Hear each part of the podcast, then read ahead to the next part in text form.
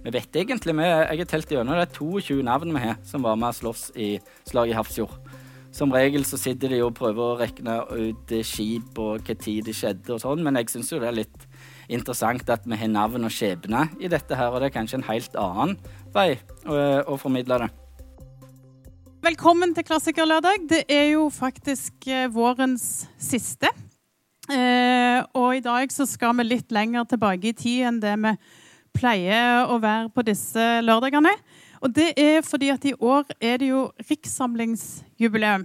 Eh, så vi markerer eh, at det er 1150 år siden Eh, ja, alle vet jo hva som skjedde i Hafrsfjord i 872, men det er jo det vi skal markere eh, med en egen klassikerlørdag om sagadiktning her i dag. Eh, og Ørjan Sasser Johansen han er forfatter, og han er leseviter og litteraturformidler. Jobber på Garborgsenteret. Og det er jo, er jo veldig kjekt når Garborgsenteret kan komme på besøk til Kiellandsenteret, syns jeg. Jeg føler at dere er akkurat som storebroren vår uh, i sør, tenker jeg. Jeg liker det at du kaller oss for storebror når uh, Kielland vekter 145 og Garborg 55. Ja. Men eh, kanskje en sånn Er dere en sånn intellektuell storebror? det er kanskje frekt å si. Frekt mot Kielland. Velkommen. Tusen takk.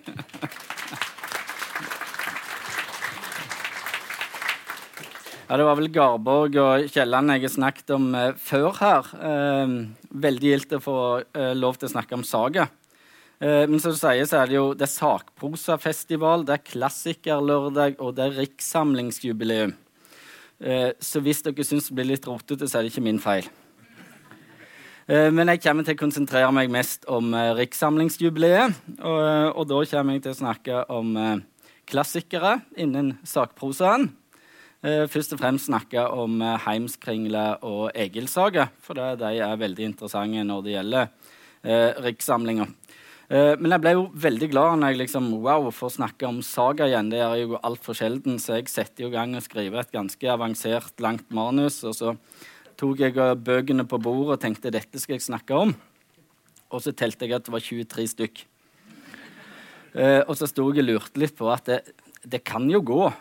Det er jo nesten eh, to minutter per bok. Eh, men jeg fant ut at jeg måtte legge de vekk, så jeg skal verken lese eller gå så veldig mye inn i de forskjellige. Men, eh, men eh, det er så mye spennende her, syns jeg.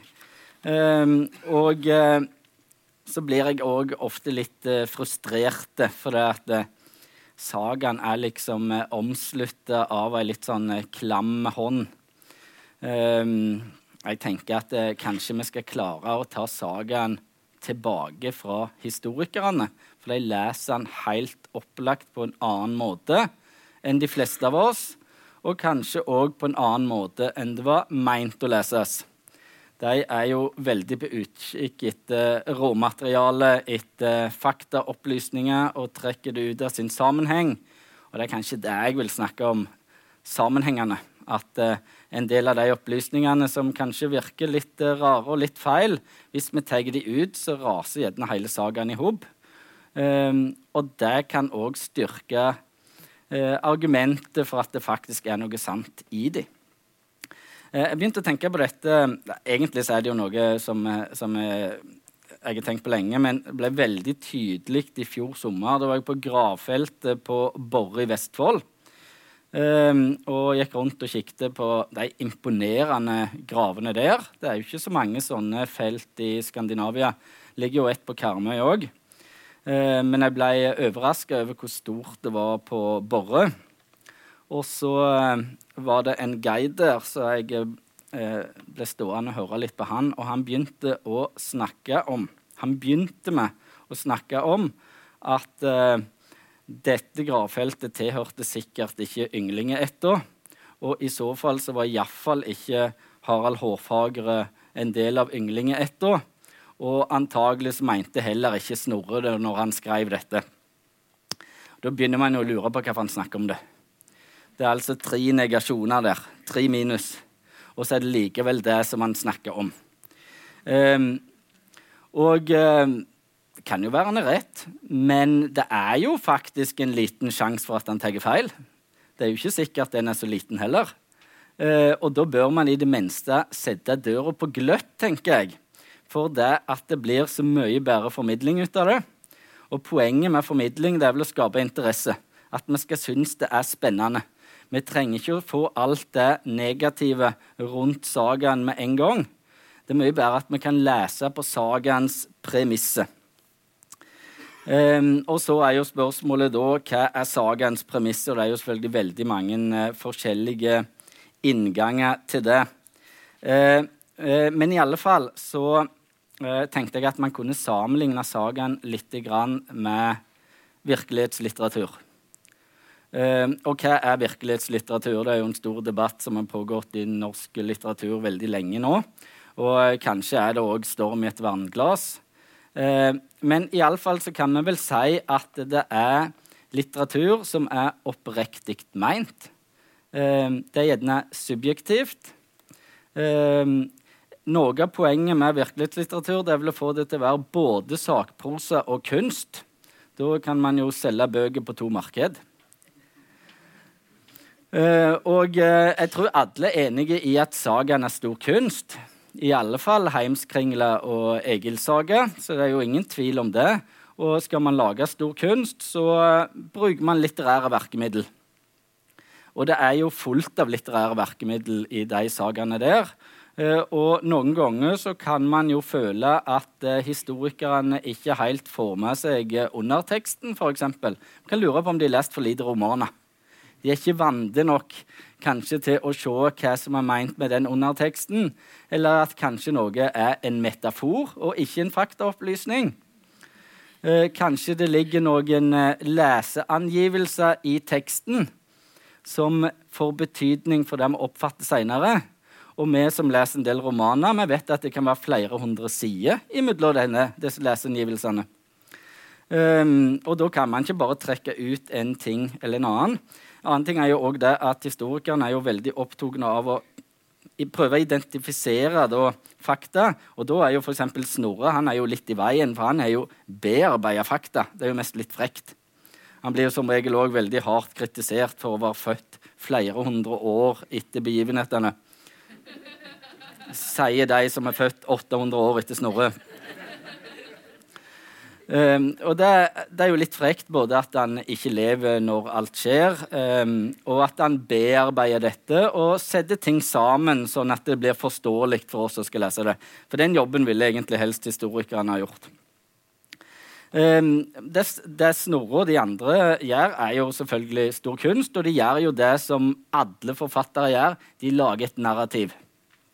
Og det gjelder jo alle, enten du skriver en skolestil, eller du skriver en oppgave på universitetet, eller du skriver en, roman. Så noe av det viktigste du gjør, det er å lage et narrativ. Få ting til å henge i hop. Um, kanskje den største forskjellen mellom saga og den virkelighetslitteraturen som er blitt mest kjente, er at virkelighetslitteraturen er så utrolig subjektive. Det handler om forfatterne sjøl. Kanskje derfor har jeg aldri blitt så veldig interessert i den type bøker, for jeg syns ikke forfatterne er interessante nok. Jeg ville jo heller at det skulle være om fotballspillere eller vikinger. Eh, men sagaen handler jo om vikinger. Den gir seg jo stort sett ut for å være objektive, og vi vet jo ofte ikke hvem som har skrevet heller. Eh, vi er jo ikke 100 sikre på at Snorre har skrevet Snorre.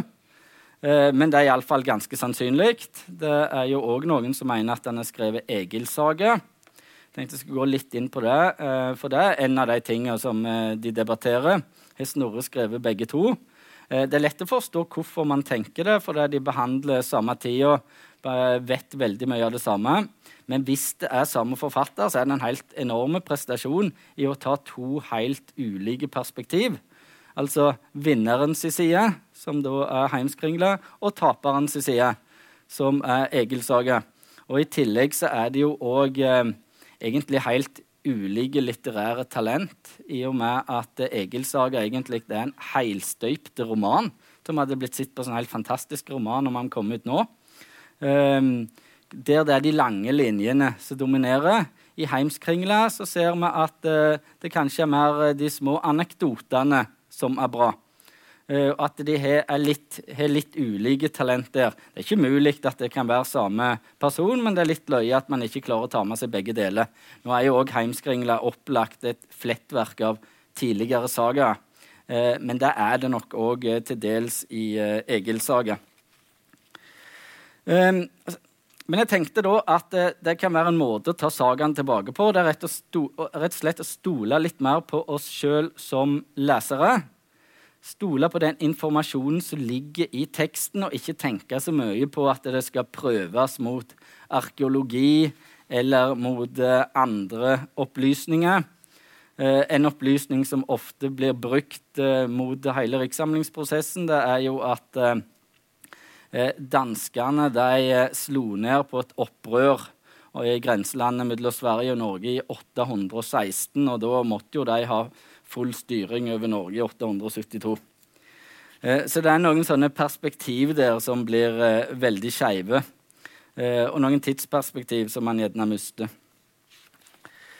Ehm, hvis vi da prøver å lese på teksten sin premisse og kanskje prøve, for det, Jeg syns det er viktig å få med opplevelsen. jeg tror òg det vil styrke interessen for saga og for vikingtid hvis vi får lesegleden tilbake igjen. Eh, og så tror jeg òg vi kan se noen ting som historikerne ikke ser. Må ikke tenke at jeg mener at det historikerne gjør, uh, er helt på jordet. Jeg, eh, jeg, tror egentlig jeg skulle ønske jeg var historiker sjøl. Uh, ehm, men jeg tror de går glipp av noen ting. At de ikke snur uh, nok steiner. Uh, og så har jo sagaen òg en veldig egenverdi som litteratur. Vi sier jo alltid det, at det er verdensklasselitteratur. Jeg er ikke så gode til å forklare hvorfor. Eh, men vi har iallfall bestemt oss for det. Så kan man òg ane av og til en sånn liten duell mellom Norge og Island. Eh, det blir veldig tydelig når vi kommer til hva som er det første kvadet med enderim. For det at det, eh, det fins to kandidater til det. Begge står i Egil saga. Det ene er dikta på vei til Island, men mens de fortsatt er i Norge. Det blir vanligvis diskvalifisert. Det er islendinger som skriver om dette. Og det andre blir dikta to generasjoner seinere av en islending. Og det er Egil Skallagrimson. Um, og så har da Et av argumentene for at det første ikke teller, det er jo at det andre skal være det første. Uh, og at uh, Egil var en så god skall at uh, han må jo ha vært den første. Så han, han, kan da tydeligvis ikke ha lært det fra noen. Jeg ville jo tenkt at kanskje det, kanskje det at han hadde hørt at farfaren hadde kommet med dette lille kvadet, um, var en del av sånn vanlig utviklingslære. Men det gjelder visst ikke når det gjelder kvad. Uh, det er for øvrig et av mine Ja, vi må lese det. Uh, det er kanskje mitt uh, favorittdikt. Uh, utenom Garborg, da, selvfølgelig. Men nå er jeg jo ikke på jobb. Uh, eh, man må ta litt om eh, Egil Saga. Det er jo da historien om eh, slekta til Egil. Han vokser opp på Island.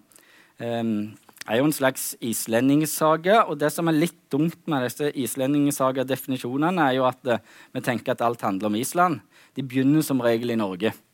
Det blir som regel litt sånn diskreditert, for det er jo da eh, handling som ligger langt tilbake i tid. Men det sier likevel utrolig mye om Norge. i alle fall i forhold til hva vi vet. Det er sikkert feil der.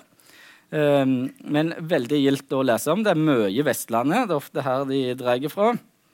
Uh, og um, Kveldulv, da, som uh, det begynner med, og sønnen hans Skallagrim de har kommet i konflikt med kong Harald. Dette er etter Hafrsfjord. Og den eldste sønnen, altså sønnen til Kveldulv og storebroren til Skallagrim, han har vært med i slaget. Det vet vi, Han sto på skipet til kong Harald. Vi vet egentlig, vi, Jeg har telt gjennom det er 22 navn vi har som var med og slåss i slaget i Hafrsfjord. Som regel så sitter de og prøver å regne ut skip og hva tid det skjedde. og sånn, Men jeg syns det er litt interessant at vi har navn og skjebne i dette. her, Og det er kanskje en helt annen vei å, å formidle det. Um, Kong Harald har fått uh, drept uh, Torolf, som sto på skipet hans, for han blir litt for mektig etter slaget. Um, og Begge disse sagaene her, selv om de tar vinnersida eller tapersida, er utrolig balanserte. Så vi forstår faktisk, iallfall mellom linjene, at Torolf faktisk blir litt høy på seg sjøl etterpå. Eh, og det tåler, ikke kong Harald. Eh, og får han drept, og det ligger jo da faren og broren veldig dårlig, og de forstår at de må flykte, for nå kommer Harald for å ta gården deres. Og så mens de gjør seg klar for å flykte til Island, som nettopp er blitt oppdaget, så ser de faktisk eh, Torolf sitt skip ute på fjorden. Eh, og de vet jo at det der har jo kong Harald tatt. Eh, det skipet det legger seg til overnatting på ei øy. Eh, Kveldulf han er herse, så han er mye folk med seg. Herse er en slags eh, høvdingtittel som kong Harald fjerner og erstatter med lendmann. Eh, så han har mange folk under seg, og, og de angriper da dette skipet mens de overnatter. Eh, og tar livet av flere titalls folk for å hevne seg og for å ta skipet tilbake igjen. Eh, og om bord på skipet så er da Guttorm sin, altså Guttorm det er onkelen til kong Harald. Hans to sønner er der. Og de er 12 og 14 år, står det vel en plass. Ehm, og de hopper på sjøen og drukner. Ehm, men de som de er ute etter, det er jo de som styrer skipene, som er sånn slags eh, litt sånn liten militærstyrke eller politistyrke til kong Harald, som reiser rundt i Norge. Eh, hardfare og snarfare.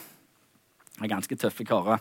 Så de tar på seg alle drittjobbene fra kong Harald eh, står tidligere i eh, boka. Det er en av de leserangivelsene tenker på, at de er i slekt med kong Harald. Det er litt eh, betydning for, eh, for diktet her. Eh, men eh, Kveldulf og eh, Skallagrim de tar da og sparer en eller to stakkare, for de skal gi beskjed til kong Harald om at hevnen er fullbyrdet. Og da kveder Kveldulf dette. Nå hersen har gitt kongen svar, på ynglings ett åt varg seg mett. ikke det ganske bra? Særlig da når det har den betydningen som det har. Det er en uh, beskjed til kongen om at uh, nå har jeg drept noen titalls av dine folk, så uh, nå har vi skylds for at du tok sønnen min sitt liv. Um, og så er det da det første i sagaen med enderim. Um, og det klinger jo kjempebra. og så er det da uh, rundt dette ordet yngling. Det, eh, det har historikerne di, eh, diskutert mye. For eh, disse to guttene som hoppet på sjøen eh, det Spørsmålet er jo da om de er ynglinger, om de tilhører denne ynglingetta til Harald når de var ungene til morbroren, eh, som da var Guttorm. og jeg leste en hel artikkel om dette og om norrøn oversettelse. Eh, hvor de da kommer fram til at den muligens må være farbroren, og da er det jo riktig at det er ynglinger.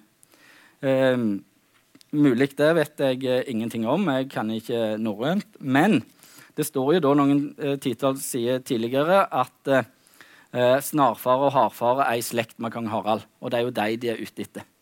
Så ut fra en sånn lesning av tekstens indre logikk, så er det de som er ynglinger i denne teksten her.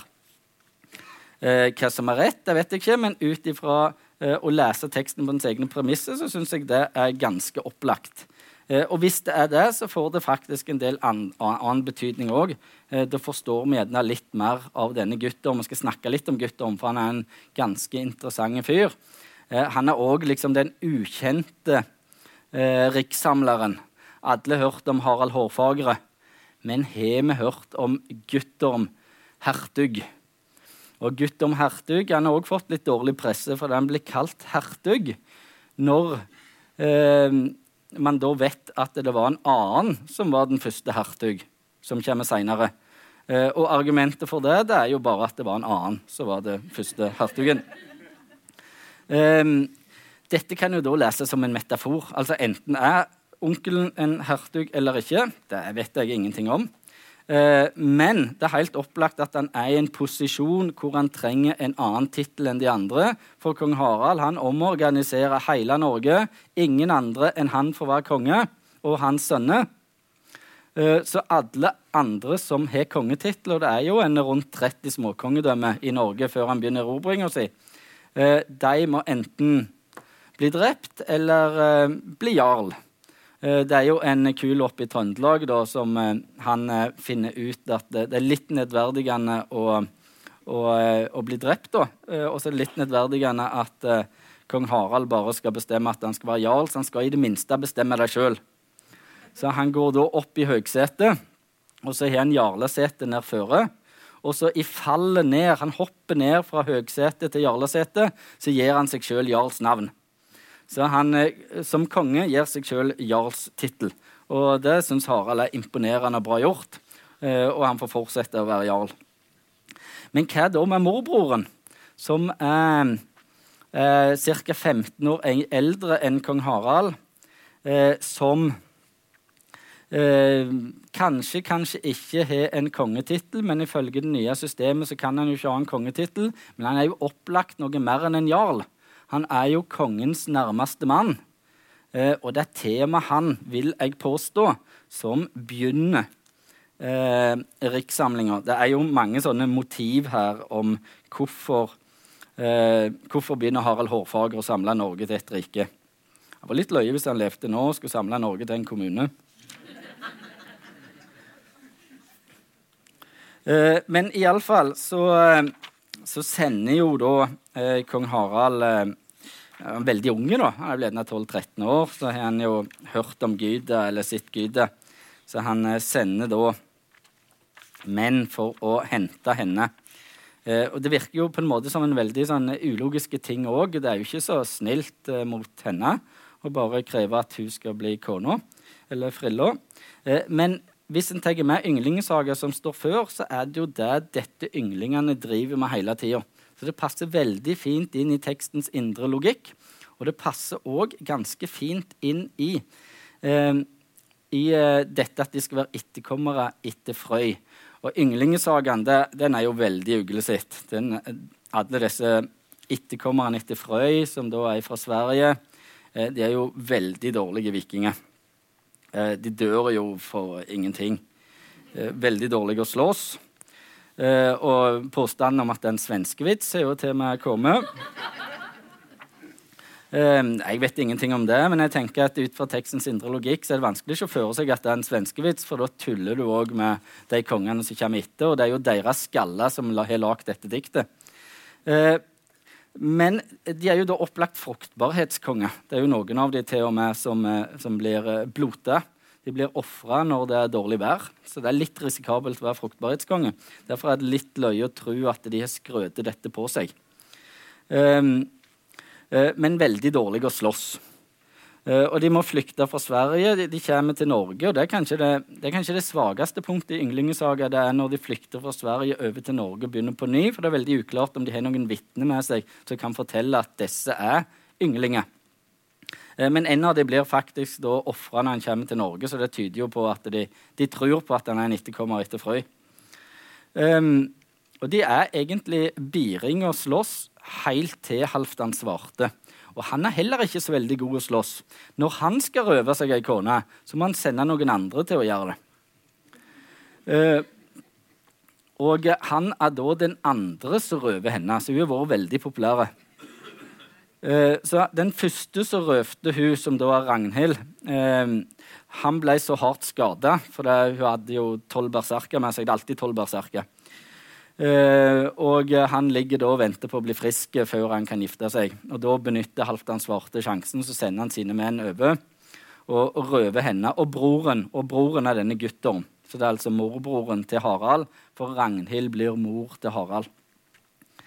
Um, og Harald blir den første gode krigerkongen. Så da kan man jo spørre seg hva er det som er så spesielt med Ragnhild. Og det er gjerne der det kommer inn. Hun er datter av Sigurd Hjort Uh, hun som igjen er barnebarn Nei, uh, oldebarn av uh, Ragnar Loddbrok. Det er flere enn meg som sitter Vikings. noen blir jo veldig irritert over at de tar hele vikingtida gjennom en generasjon. Jeg er ganske fascinert. Jeg syns det er godt gjort. Liksom Både være med på Lindisfarne og oppdage Island og alt. Um, Eh, men iallfall så virker det jo veldig tydelig som en leseangivelse om at egenskaper går i arv. Og disse ynglingene har ikke hatt den egenskapen til å slåss. Det er jo gått ganske dårlig med dem, men de har hatt den egenskapen at de får til godt vær og mange unger osv. Så, videre. så de har vært fruktbarhetskonge eh, etter Frøy. da.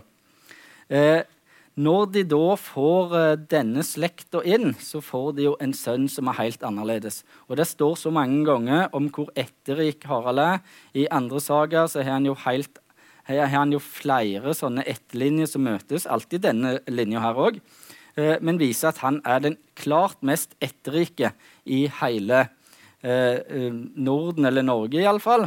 Og derfor er han uovervinnelig.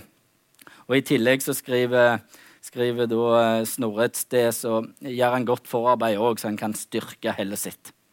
Eh, og folk tårer ikke å slåss med han, for de forventer at han er en som vinner. Og derfor venter de litt for lenge, antagelig. Um, uh, og da passer jo òg det veldig godt med at han gjør et litt sånn halvhjerta forsøk på å røve Gyda. For Gyda er jo, det står et helt annet sted i teksten, datter av Hordakongen. Og da kunne han gifte seg til Hordaland. Det står ingen plass at hun har noen brødre. Utrolig mange enebarnjenter i, uh, i Heimskringla, og nesten alle blir røva av ynglingene. Um, og han får jo Gyda til, til slutt, selvfølgelig. Uh, så Sånn sett så er det ganske logisk i forhold til det som har skjedd før der. Dette med å ville røve ei prinsesse, for hun har ei spesiell ett, hun har et rike som en kan overta. Eh, at hun sier nei. Um, hun får jo litt tyn for det i boka. Har tenkt å si nei til kong Harald, men hun er jo datter av en konge som foreløpig er mektigere enn han. Det kan jo godt hende at kongene hvisker henne noen ord i øret òg. Ikke si ja ennå. Venter ikke hvordan det går med han der fyren. Han er jo kort hår og alt. Så syns jeg det er veldig fint med kort hår, da. Eh, men når han da, eh, eller mennene kommer da hjem eh, og forteller dette til kong Harald, at du sa nei, og de er litt sånn besvikne og lurte på om de bare skulle tatt med seg allikevel, for det var jo dårlig gjort, så sier jo kongen da at nei, hun har minnet meg på noe som jeg har glemt. Og jeg skal erobre Norge. For det er jo det hun sier, at han, han, må bli, han må erobre hele Norge før han er god nok for henne. Og da gjør han et sånn et brageløfte. Ehm, at han, han tar eh, at at han, skal erobre Norge, og så skal han da få henne. Og da, i neste setning Skal se om jeg finner det her.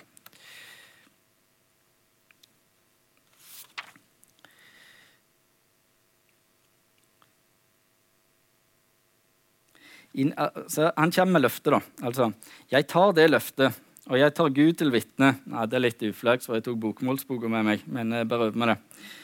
Han som skapte meg, i rår for alt, at aldri skal jeg skjære håret eller kjemme det før jeg har vunnet hele Norge med skatter og skylder og fullt styre, eller også dø. Og så, for disse ordene takket Guttorm hertug han, og sa det var kongelig verk å holde sitt ord. Um, det er jo en klar beskjed om hvem som er drivkraften her. Og Guttorm er 15 år eldre, altså kong Harald er 12-13 år på dette tidspunktet, kanskje 14. Uh, Hertug er en 12-15 eh, år eldre uh, Guttorm. Og det er ingen tvil om at han er drivkraften i den første delen av, uh, av uh, rikssamlinga. han er jo da arving etter Sigurd Hjort, hvis vi skal tro på det at han er moster, da. Nei, morbror. Uh, og han får jo en ganske stor belønning etterpå. Han får hele Viken. Så det, er jo òg en logikk. Eh, Kong Haralds første sønn heter Guttorm.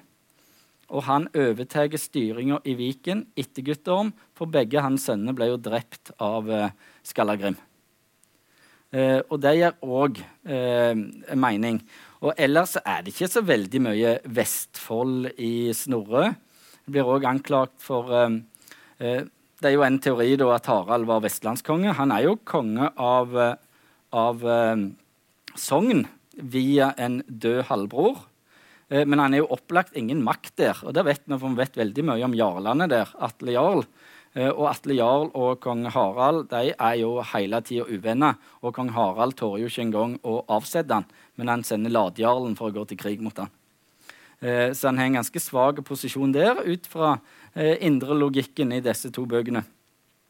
Eh, men det er jo Opplandet som er hans rike. Så Vestfold kommer litt seinere. og det er jo da Guttorm som tar Viken. Så allierer han seg med Ladejarlen i Trøndelag.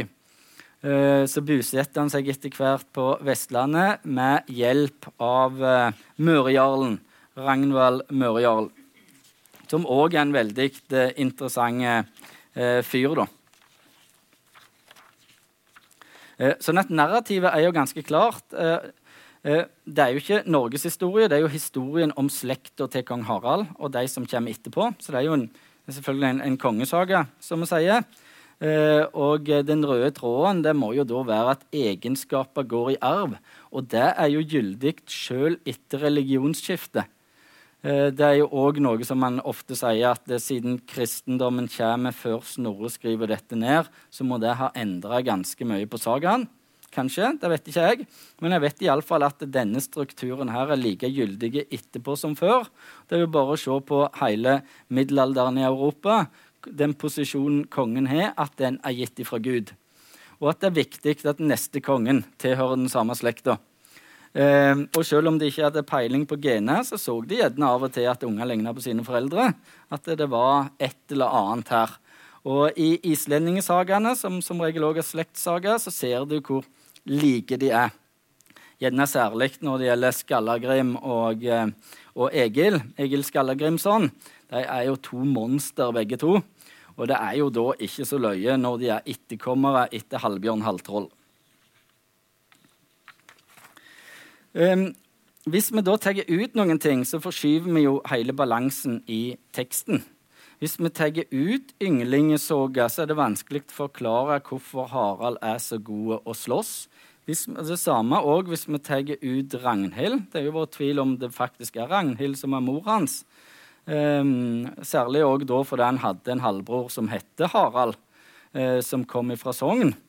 Uh, og noen kilder heter hun òg Ragnhild, i andre kilder heter Tora.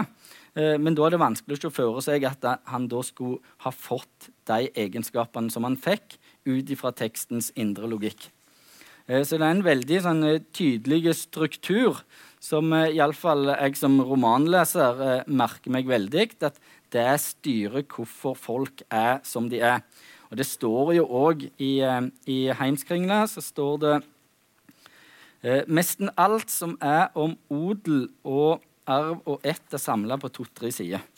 Så der har jo Snorre tenkt, på, tenkt tema mer enn eh, kronologi. Eh, og skal vi se Denne Mørejarlen, han eh, gjør jo en god jobb, for kongen, eh, sannsynligvis fordi han var veldig god å slåss til sjøs. Som eh, kong Harald kanskje ikke hadde fullt så mye erfaring med, selv om det fins kvart som viser at han var på sjøs når han var unge. Um, og han sier Mørjarlen sier da eh, Først får han eh, Han får eh, Orkenøyene eh, som jarledømme etter å ha hjulpet kong Harald med å jage vikingene vekk derfra. Så Vi tenker jo at Hafjord er slutten, og det er jo det siste store slaget, men de fortsetter jo å gjøre motstand. Ganske mye motstand. Eh, og de samler seg nok på Orkenøyene, og så, og så fyker de over, over, havet. En del brenner ned sine gamle gårder, for de vil ikke at andre skal kose seg med dem. Det er vi faktisk navn på en som gjorde på Åkra, f.eks., som òg var med i slaget. Eh, så det er en måte å ta hevn på eh, kong Harald, og de liker jo ikke at eh, kong Harald bare har gitt gården deres til noen andre. Um, og når da Mørejarlen får dette jarledømmet, så har han jo allerede Møre, eller han er begge Mørene og Romsdal. Uh, så gir han det først til broren, som dør ganske fort, og så skal han finne ut hvem av sønnene som skal få det. Eh, og da har han ganske store problem eh, for det at eh, disse eh, ungene hans de har ulike mor. Eh, og da er de tre av dem de er regna som fullstendig uskikka til å være jarle fordi de har så dårlig morsett. Eh, og det samme med eh, kong Harald. Han får vel fire unger med samejenta Snø. Um, og de liker han dårlig. Helt til glupingen Torleif Spake forteller han at de ville nok gjerne hatt bare mor sett hvis du bare hadde gitt de det. Og da forstår han at det var hans egen feil. Og da får de òg bli småkonger. Eh, men det er jo ikke tilfeldig at det er de som lager til bråket og angriper de andre brødrene. Og så er jo miraklet i gang. Eh, de, disse trådene kan vi dra videre til eh, Eirik Blodøks, som jo er den eneste som ikke har ei norsk mor. Eh, han er ei mor som kommer utenfra. Og når han da har lagd så og så mange fylker Han plasserer jo, han jo, virker jo som han får minst en unge med ei prinsesse i hvert av de kongedømmene han erobrer. Den ungen, eller gutten iallfall, vokser opp der og vil jo da, uh, ifølge alle de lokale, ha arverett til det. Så på den måten så sikrer han seg jo kontroll, selv om han ikke er til stede overalt, kong Harald. Men hva da med å gi en overkonge? Det er jo litt vanskelig. For den som har mor fra Namdalen, vil jo gjerne ikke bli godtatt i Agder.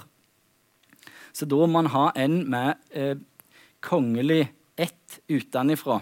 Og der kommer eh, Eirik Blodøk sin. Så han ble jo plukket veldig tidlig. Eh, selvfølgelig så liker jo ikke brødrene hans det, så han ble jo jagd. Eh, og den som kommer inn igjen, som da er Håkon Adalsteinfosteret, han har jo mor fra Rogaland-Hordaland. Eh, Tora Mosterstong. Og Rogaland og Hordaland, hvis vi ser på for, eh, fornaldersagaene, så virker det ofte som det er samme rike. Det er veldig vanskelig å si, eh, for det er samme kongeslektene. Eh, noen ganger virker det som det er likt, andre ganger virker det som det er delt. Det er vanskelig å si hvor, hvor langt rikene strekker seg osv. Eh, men det virker iallfall som det er, det er samme odelsrett. Det er samme ætta eh, der. Eh, et annet minus med, eh, hvis vi lar eh, historikerne styre formidlinga av sagaen, det er jo at eh, de bare formidler det som er troverdig. Og da går vi jo glipp av all moroa. Så Derfor er det gjerne ikke så mange som har hørt om når eh, Olav den hellige trilla terning med svenskekongen. Noen som har vært i Göteborg, og der er det ei uh, elv midt i, nei, det, ja, det er elv gjennom byen, Gjøte elv, og midt i den elva er det ei øy som heter Hisingen.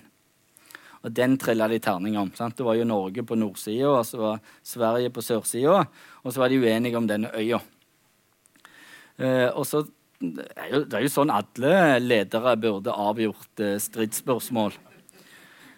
Eh, og da trilte de to terninger hver, da. Eh, men eh, de, begge to var jo av så høy ett at de var jo heldige. Og ordet 'hellig' henger faktisk sammen med 'heldig'. Så før han dør, så kan vi godt si at det er Olav den heldige. Uh, og både han og svenskekongen triller tolv, selvfølgelig. Først. Det hadde ikke vært noe kult spilt yatzy med de karene der. Og så må de uh, trille om igjen. Svenskekongen han er jo av skyhøye ett, så han triller jo tolv en gang til. Men det er da det viser seg at Olav den hellige er den heldigste. For den ene terningen deler seg i to og lander med seks og én og får sju. Så han klarer faktisk å trille 13 til sammen. Uh, og, og, dermed så ble hisingen norsk. Og, og svenskekongen han godtok dette. Han skjønte at her var det ingenting å stille opp. Det er jo gjerne lett å forstå at dette ikke står i historiebøkene. Uh, men på den annen side en gang i løpet av historien så må det jo være noen som trilla en terning som var så dårlig at han delte seg i to. Og hvis det var noen som gjorde det, og de faktisk trilla med noe viktig, så må jo folk ha skrevet det ned. Um, så som romanleser så har jeg ingen problem med å akseptere det. Men poenget her var jo selvfølgelig uh, de uh, gode historiene som forsvinner. Uh, gjerne ikke så mange som vet heller at uh, når de oppdaget Island, da var det jo flere som kom der, Eh, og dro tilbake igjen og snakket om dette fantastiske landet som de egentlig ikke syntes var så bra. Eh, så de måtte jo overdrive. Grønland òg er jo et rent reklamenavn. Det er ikke så veldig grønt. Men, eh, men Island fikk jo et ganske presist navn etter hvert. Men de prøvde jo, og de måtte jo ha folk med seg for å komme over, så de prøvde å snakke godt om det. Og det var da en som het Torolf, som sa det dryppte smør av hvert strå. Og så ble det da en periode kalt Smørland. Han var litt lei seg, for han ble kalt Torolf Smør resten av livet. Um, en annen sånn yndlingsanekdote i, uh, i sagaen, det er jo da eh, når trønderne eh, blir slått av svenskene. Det er jo alltid litt løye, selvfølgelig. Eh, men svenskene de skal gi trønderne en skikkelig lærepenge. Så de innsetter en ny konge over trønderne, nemlig hunden Saur. Og det er ikke en dum hund, for det er de trollet tre menns hvit inn i han. Eh, likevel er han da ikke glup nok til å holde seg unna noen ulver som kommer rekende, så han blir drept ganske fort. Eh, men det har jeg alltid syntes var veldig løye, helt til jeg leste Saxo Grammaticus, som da er danskene sin svar på Snorre, og fant ut at svenskene hadde gjort det samme på Jæren. Da slutta jeg å le. Eh, og Saxo han eh, skriver da om eh, den svenske Gunnar som får tillatelse til å angripe Jæren, for de har visst irritert han veldig. Og da, da, skriver Saxo bl.a.: Det innbilske folk, det er jærbuen. Det innbilske folk tydelig kunne merke straffen for deres stolthet hver gang de måtte bøye de kneisende nakker for en bjeffende kjøter. Og videre Sådan fikk han lukket luften ut av nordmennenes opplesthet og sikret seg at de tydeligst kunne merke hvordan deres hovmod fikk en knekk når de var tvunget til å adlyde en hund. Så kom jeg på at det gjelder sikkert Hå kommune, og da begynte jeg å le igjen.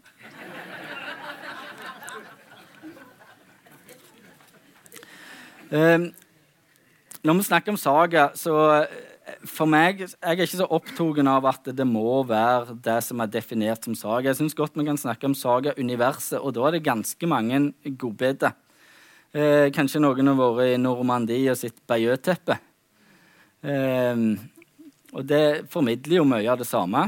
Det fins jo òg eh, teppe fra Oseberggrava. Det fins teppe som er funnet i Sverige. Saxo grammaticus, som jeg nevnte, er vel skrevet på latin, f.eks. Um, uh, kan godt ta med Tormod Torfeus, for det er ting der som ikke står i de andre sakene som, vi vet om, selv om det er skrevet på 1500-tallet. Uh, så leseopplevelsen av disse er mye det samme. For det at vi oppfatter det som oppriktig meint, det er om den samme tida. Eh, og vi leser om mye av den samme kulturen, samme hendelsene. Og så er det jo, det er jo motsigelser og sånne ting, så, og, og, ting som vi ikke forstår. Eh, og det er jo noe av det som er spennende. Prøve å forstå hva var egentlig meint med dette. Og det syns jeg vi skal prøve å stole litt på oss sjøl når vi leser.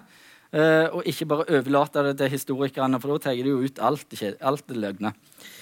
Um, Vastøla-saga, det er en av noen som leste den. Den er, den er helt fantastisk. Uh, det er en sånn en, uh, islendingesaga som begynner, begynner, vel i Romsdal. Um, et par generasjoner før Hafrsfjord. Eh, og eh, da er det en herse som er litt irriterte på sønnen sin. Han, er en sånn, en, han er, vokser ikke opp og blir skikkelig mann. Han, eh, han er ennå ikke drept noen. Eh, vi sitter bare inne og drikker og eter. Så nå sier han ifra at nå, nå, får du vise at du er noe til kar. OK, tenker sønnen. Det er jo litt, litt kjipt, da, men jeg får vel gå ut og drepe noen, da. Uh, men han kan jo ikke bare ta naboen, for det blir bråk av. Dessuten er naboen ganske sterk. Uh, men han har hørt at det er landeveisrøvere ute i skogen. Så han tenker det, de kan jeg jo ta, da blir jo folk glade. Så han går bare ut i skogen, han, og så ser han et hus. Uh, og så tenker han der må det være. Og det som er så fantastisk bra, det er at det, det er der. Hadde det vært en moderne roman, så hadde det jo ikke vært der. Så dette er egentlig enda bedre enn moderne romaner. Uh, og han kan gå inn og han kan gjemme seg i stua og ligge og vente. Og så kommer da denne skurken, morderen, landeveisrøveren. Eh, og han snakker med seg sjøl. Og det kan jo mest få oss til å se for oss at dette var spilt som teater. Hvem er det som går og snakker med seg sjøl når de er alene hjemme, og med går og snakker og sier at de føler det er noen her? Og går rundt og leter litt. Er det noen her? Nei. Er det noen her? Um, og denne unggutten klarer jo hele tida å smette unna, så han blir ikke oppdaget. Men han merker seg én ting. Uh, når denne skurken setter seg og eter, så er han så fine manerer. Så er han så fint hår. Og han er så høy og sterk, så han må være av god ett. Og det er jo litt dumt å ta livet av noen som er av god ett, men han er jo landeveisrøver, så OK. Men han er sikkert god slåss, da. så han venter til han sover. Eh, og når han da endelig sovner, så hopper gutten fram, og så stikker han et sverd tvers igjennom landeveisrøveren. Eh, dessverre så dør han ikke, han bare våkner. Og oppdager hva som har skjedd, og blir litt lei seg. Eh, og det kan vi jo forstå. Og han blir jo litt sur og litt sånn, forstår han snart skal dø. Men han reiser seg nå opp og går noen runder på gulvet og tenker pokker òg at du skulle gjøre akkurat dette nå. Akkurat, akkurat i dag så hadde jeg bestemt meg for å slutte å røve. Og da begynner jo han andre å grine og er så lei seg. Han visste jo ikke det. Hadde han visst det, så skulle han aldri tatt livet av han. Så sitter de der og griner begge to. Um, han er jo så sterk, han som er sverdet tvers igjennom seg, at han kan drepe sin egen morder. Men han bestemmer seg for endelig å gjøre en god gjerning. Han skal spare sin egen banemann. Men eh, da må han love han én ting. Det er å reise til foreldrene, altså foreldrene til han som dør, eh, og si hva han har gjort. Og eh, faren er da jarl av Jøtaland, så det var rett at han var av høy ett. Og som bevis så tar han av seg en ring og gir til Torstein, da, som denne gutten heter hvis vi ser strengt på tekstens indre logikk her, så er jo ingenting troverdig. For dette, det er jo bare to stykker i denne scenen, og den ene dør. Så det er bare én igjen. Så det er ingen vitne her. Eh, men seinere kan vi se at det kanskje er ørlite eh, med her likevel. Han drar da til, til Jøtakongen, eh, nei, Jøtajarlen, og eh, viser ring og sier hva han har gjort. Og de blir jo litt sure for at han har tatt livet av sønnen sin sønnen deres, men de er enige at han var egentlig en drittsekk, så OK. Uh, og han får jo da tilbud om å gifte seg med dattera deres. Uh, Søstera til han han tok livet av, og det takker han ja til. Uh, og Han får til meg også tilbud om å, å overta seg Jøtejarl, men det sier jeg nei til. For det, det var litt mange slektninger der som så stygt på han, så han var litt redd for at jeg skulle bli litt misfornøyd. Så hadde han jo et hersedømme i Romsdal han skulle overta. Eh, så han tar med seg eh, eh, jarlsdattera og drar til Romsdal. Og de får da en sønn som heter Ingemund, som er oppkalt etter Jøtajarlen. Som igjen får unger hvor en av dem heter Jøkul, som er oppkalt etter denne som ble drept. Og sånne eh, slektstre viser jo at det på en måte kan være noe i det kanskje vi ikke helt skal tro på dette med sverdet som gikk tvers gjennom kroppen, men at det er noen, eh, noe her som stemmer. Eh, han drar ut i Viking, kommer da hjem igjen rett før slaget. Og det er det flere som gjør. Uh, og vi kan vel da se for oss at de, de må vel lande kanskje, kanskje Utstein, en logisk plass der vikinger kom hjem og hadde som møteplass. Eh, og så får de høre der at eh, nå ligger kong Harald eller kong Harald er på vei til Hafrsfjord, og de har avtalt å slåss. Det virker jo ganske planlagt, dette slaget, på en eller annen måte. Eh, ellers er det bare Harald som er veldig gode spioner. Det kan jo være en kombinasjon av det. Eh, og de må jo da velge. Eh, og eh, Ingemund han velger å slåss med Harald fordi han er av så god ett at han vet han kommer til å vinne. men kompisen han syns det kong Harald driver med, det er så ufyselig at han drar heller hjem til gården. Han får selvfølgelig sin straff av Harald seinere. Eh, men da er denne Ingemund han er med i slaget, gjør en god jobb. Han får belønning. Jeg tror han får tre skip som er tatt fra taperne. Eh, mye gods. Og så får han en, eh, en medaljong, eller et smykke, som er tilhørt fiendekongen Kjøtve den rike. Og det er en Frøy-medaljong. Så han har nok òg vært en som er tilbedt Frøy. Og denne mista han etterpå. Og så lurer han på hvor det er blitt av medaljongen sin. Og så sender han tre samer inn i et hus, stenger døra, og de får tre dager på seg på å finne han. Og det er ikke for at de skal finne medaljongen inne i huset, men de skal skape seg om til dyr eller fugler fly utover verden og finne han. Og den finner de i en dal på Island som de kan beskrive. Ingemund seiler over, finner denne dalen, graver på det stedet de har beskrevet, og der ligger medaljongene hans. Og derfor så blir han da buende på Island, for han mener at dette er eh, helt klart der han skal bo. Eh, Og Sånne saker får vi jo gjerne ikke høre om, for det er jo ting her som gjerne ikke er troverdige. Men det er òg noen ting som gjør at vi kanskje kan tenke oss om. F.eks. så indikerer i det minste denne medaljongen, som vi får tro fantes på Island. Antagelig har jo den vært stilt ut i huset hans. Det, det må jo ha vært vitne som har sett den. Og da kan det i det minste indikere kanskje at Kjøttved den rike var med i slaget. Så sånne spor går det jo an å, å finne. Eh, men det er jo litt opp til oss sjøl eh, som eh, lesere å vurdere, vurdere, det, så ikke bare overlate det til andre. Det passer iallfall veldig fint inn i tekstens indre logikk. Um, hvis vi ser da på, på narrativet i Heimskringla, så har man jo da denne ynglingehistorien. De er fruktbarhetskonger. De driver med kornrøveri. Derfor kommer Ragnhild inn i slekta, som er mor til Harald. Eh, kornrøveriet har òg gjort at de har fått sogn. Eh, Pga. dette så eh, vil òg Harald ha Gyda. Han gjør sitt løfte som da Guttorm tenner på. Eller antagelig. Jeg vil jo tro at hvis dette er riktig, så er Guttorm Halvdan Svarte allerede hatt en plan om å gjøre dette. Og så kommer Harald inn og overtar prosjektet. Så begynner da erobringsprosjektet. Man kan ikke bare fjerne beskrivelsen av erobringa fra Heimskringla. Da får man et helt annet Norge nesten i resten av boka. Um, til slutt så får han da tatt Eirik Hordakonge i Hafrsfjord. Ehm, og eh, Harald får eh, Gyda. De får unge.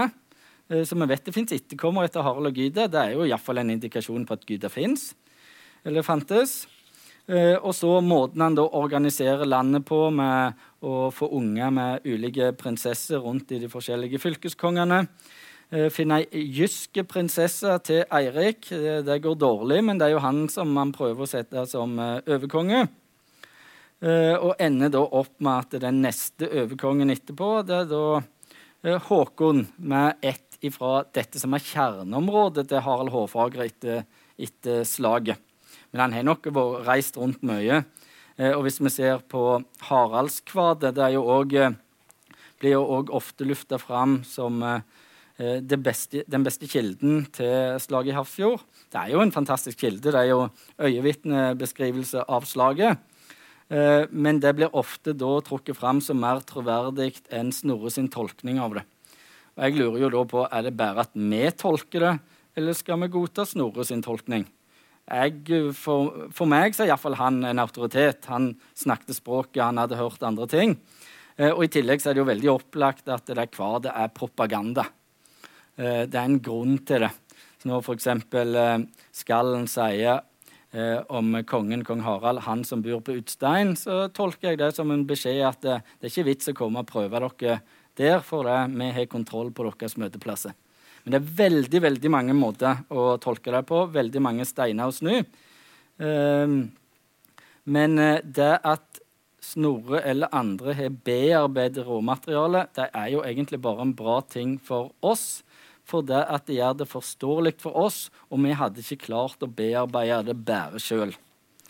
Det tror jeg er en slags eh, konklusjon, iallfall, eh, fra min side. Eh, jeg tenkte at siden det er rikssamlingsjubileum, så og jeg tross alt hadde pløyd gjennom alle disse sakene, så jeg skulle lese opp alle 22 som slåss i Hafrsfjord. Um, Øyvind Lambe Eh, Lambe betyr lam, så jeg tror han hadde krøller. Eh, bror hans Olve Nuva. Nuva betyr visst nese. Eh, og da har jeg lest noen teorier om at han muligens hadde fått hogd av sin egen nase, eller at han samla på andre sine. Og det siste vet vi fra Irland at noen vikinger gjorde. Så jeg vet ikke hvordan jentene reagerte når guttene spurte om de skulle være med hjem og se på nasesamlingen sin. Bård Kvite, av og til kalt Bård Sterke, han var sikkert både hvit og sterk. Torbjørn Håndklove er jo da skallen som har lagd Haraldskvadet. Tjodolf Kvine får av og til æren for noen av, eh, av versene. Uh, Guttorm Hertug står at han var med i alle de store slagene til kong Harald. Torolf Kvellulfsson det var han som ble drept av kongen og mista skipet sitt. Torgils Gjallane var hans, eh, eh, en av hans menn eh, som styrte hans skip i Hafrsfjord, for det Torolf han måtte jo stå på kongen sitt. Eh, Trond Bjørnson, Balke Bleiingsson, en som bare heter Halvard. Ånund Trefot han het ikke Ånund Trefot under slaget, han het det etterpå, for han mista foten sin i slaget. Så han prøvde å angripe kongen sitt skip, satte foten over relingen og fikk det hogd av. Og så ble han da redda over på et annet skip. Um, og um, følte seg litt umandig etterpå når han sprang rundt på trefot. Men uh, de andre syntes de gjorde ikke noe, for de mente han var mye raskere til beins enn de fleste med to bein. Så han er en fin fyr. Um, og han tror jeg faktisk var fra Karmøy. Uh, Kjøttved den rike, så var den med medaljongen. Han heter Asbjørn i noen uh, kilder. Han har en sønn som var litt av en berserk, som heter Tore Hakelang. Kong Sulke, konge i Rogaland. Eh, vi vet ikke så mye uh, om han, men det som er kult med han og broren som òg var med i slaget, som er Sotejarl Kanskje noen kjenner til Sothaug eller Sotjarlshaugen med Hafrsfjord. Kan kanskje indikere at, uh, at de fins, eh, fantes. Men det som er av og til brukt som et argument mot Sulke og Sote, et argument for at det ikke har eksistert, er at navnet ikke høres ekte ut. Sote var for så vidt et, eh, et, eh, navn som noen kunne hete, men det betyr mørk eller skjeden. Sotete. Eh, sulke, det betyr sutre. Men da tenker jeg at for første så må vi jo godta kallenavn. Altså si det til Drillo og Mini Jacobsen at de ikke eksisterer. Men sulke og sute det blir trøste og bære. Og det syns jeg er såpass bra at jeg erklærer at de fantes. Harald Hårfagre, Hadd den harde, Orm den rike, Roald Rygg, eh, Eirik Hordakonge og Ingemund den gamle. Det var da han som eh, var etterkommeren av eh, denne gutten som eh, drepte sønnen til, til Göteborgs, eller Götajarlen. Da tror jeg jeg slutter med det. Takk for meg.